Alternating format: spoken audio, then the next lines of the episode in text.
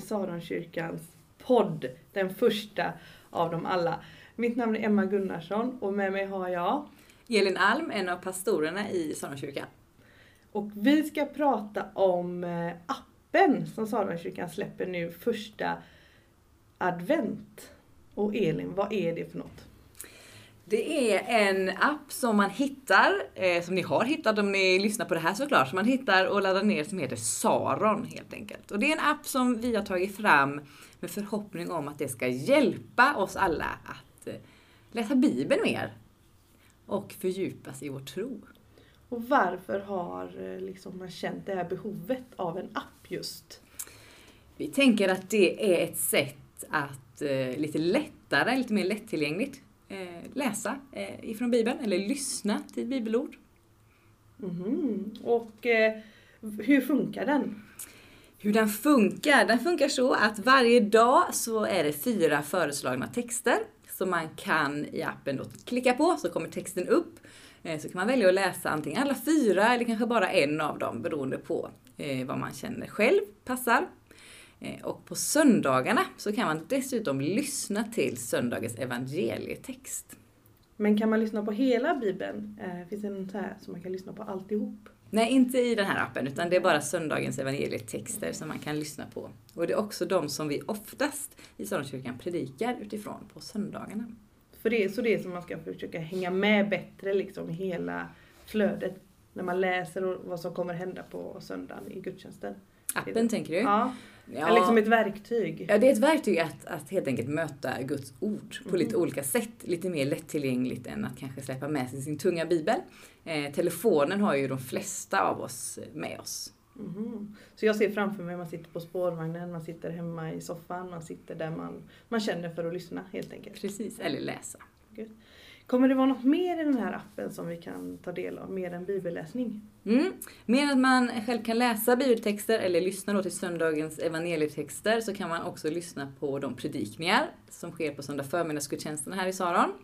Eh, och vi kommer att på torsdagar släppa en liten podd mm. i ett samtal med den som kommer att predika den söndagen som ligger framför. Så man får liksom en liten teaser och en liten ingång i, i den predikan. Mm, det är lite spännande. Och hur ser man på framtiden med den här appen och podden? Vad, finns det några planer liksom? Vad man...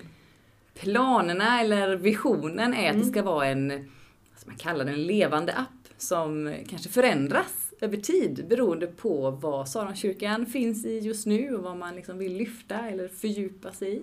Mm. Så det är bra att ibland kolla uppdateringarna som har den senaste versionen så har man liksom det som vi just nu tycker är mest aktuellt. Men övrig information som man vill veta vad som händer i Saron, då går man till hemsidan? Då går man som vanligt till hemsidan mm. eller till våra månadsblad som finns i fysisk form i kyrkan. Mm. Men det här låter jättespännande och jag ser verkligen fram emot det här. Och... Ja, det ska bli spännande. Och är det någon som funderar på hur appen fungerar så tänker jag, lyssnar man på det här samtalet nu så sitter ni säkert med er telefon framför er. Så om ni öppnar appen så ser ni fyra bibeltexter om man klickar på dem så kommer alltså texterna upp. Och längst ner ser ni en list med lite olika symboler. Eh, den som är längst till vänster, det är helt enkelt den som gör att du kommer till dagens föreslagna texter. Sen så kommer det en kalender, om du vill bläddra lite fram och tillbaks. Och i mitten så är det hörlurar och det är där du kommer till ljudarkivet och hittar bland annat predikningar och gamla poddar. Poddarna kommer sedan ligga som en liten list bland texterna när de är aktuella. Sen finns det en liten klocka. Där kan du aktivera en påminnelse så du får en liksom tid där du själv mm. tycker att det är lämpligt att eh, kanske läsa en bibeltext. Eh, så kan man bestämma att ja, men klockan 12 på dagarna passar jättebra att det liksom kommer en liten pushnotis i din telefon. Och så längst ut till höger så är det ett i. Och där är det en liten kort information om hur appen fungerar, ungefär det jag har berättat här. Och det är också där man kan se om man har den senaste versionen.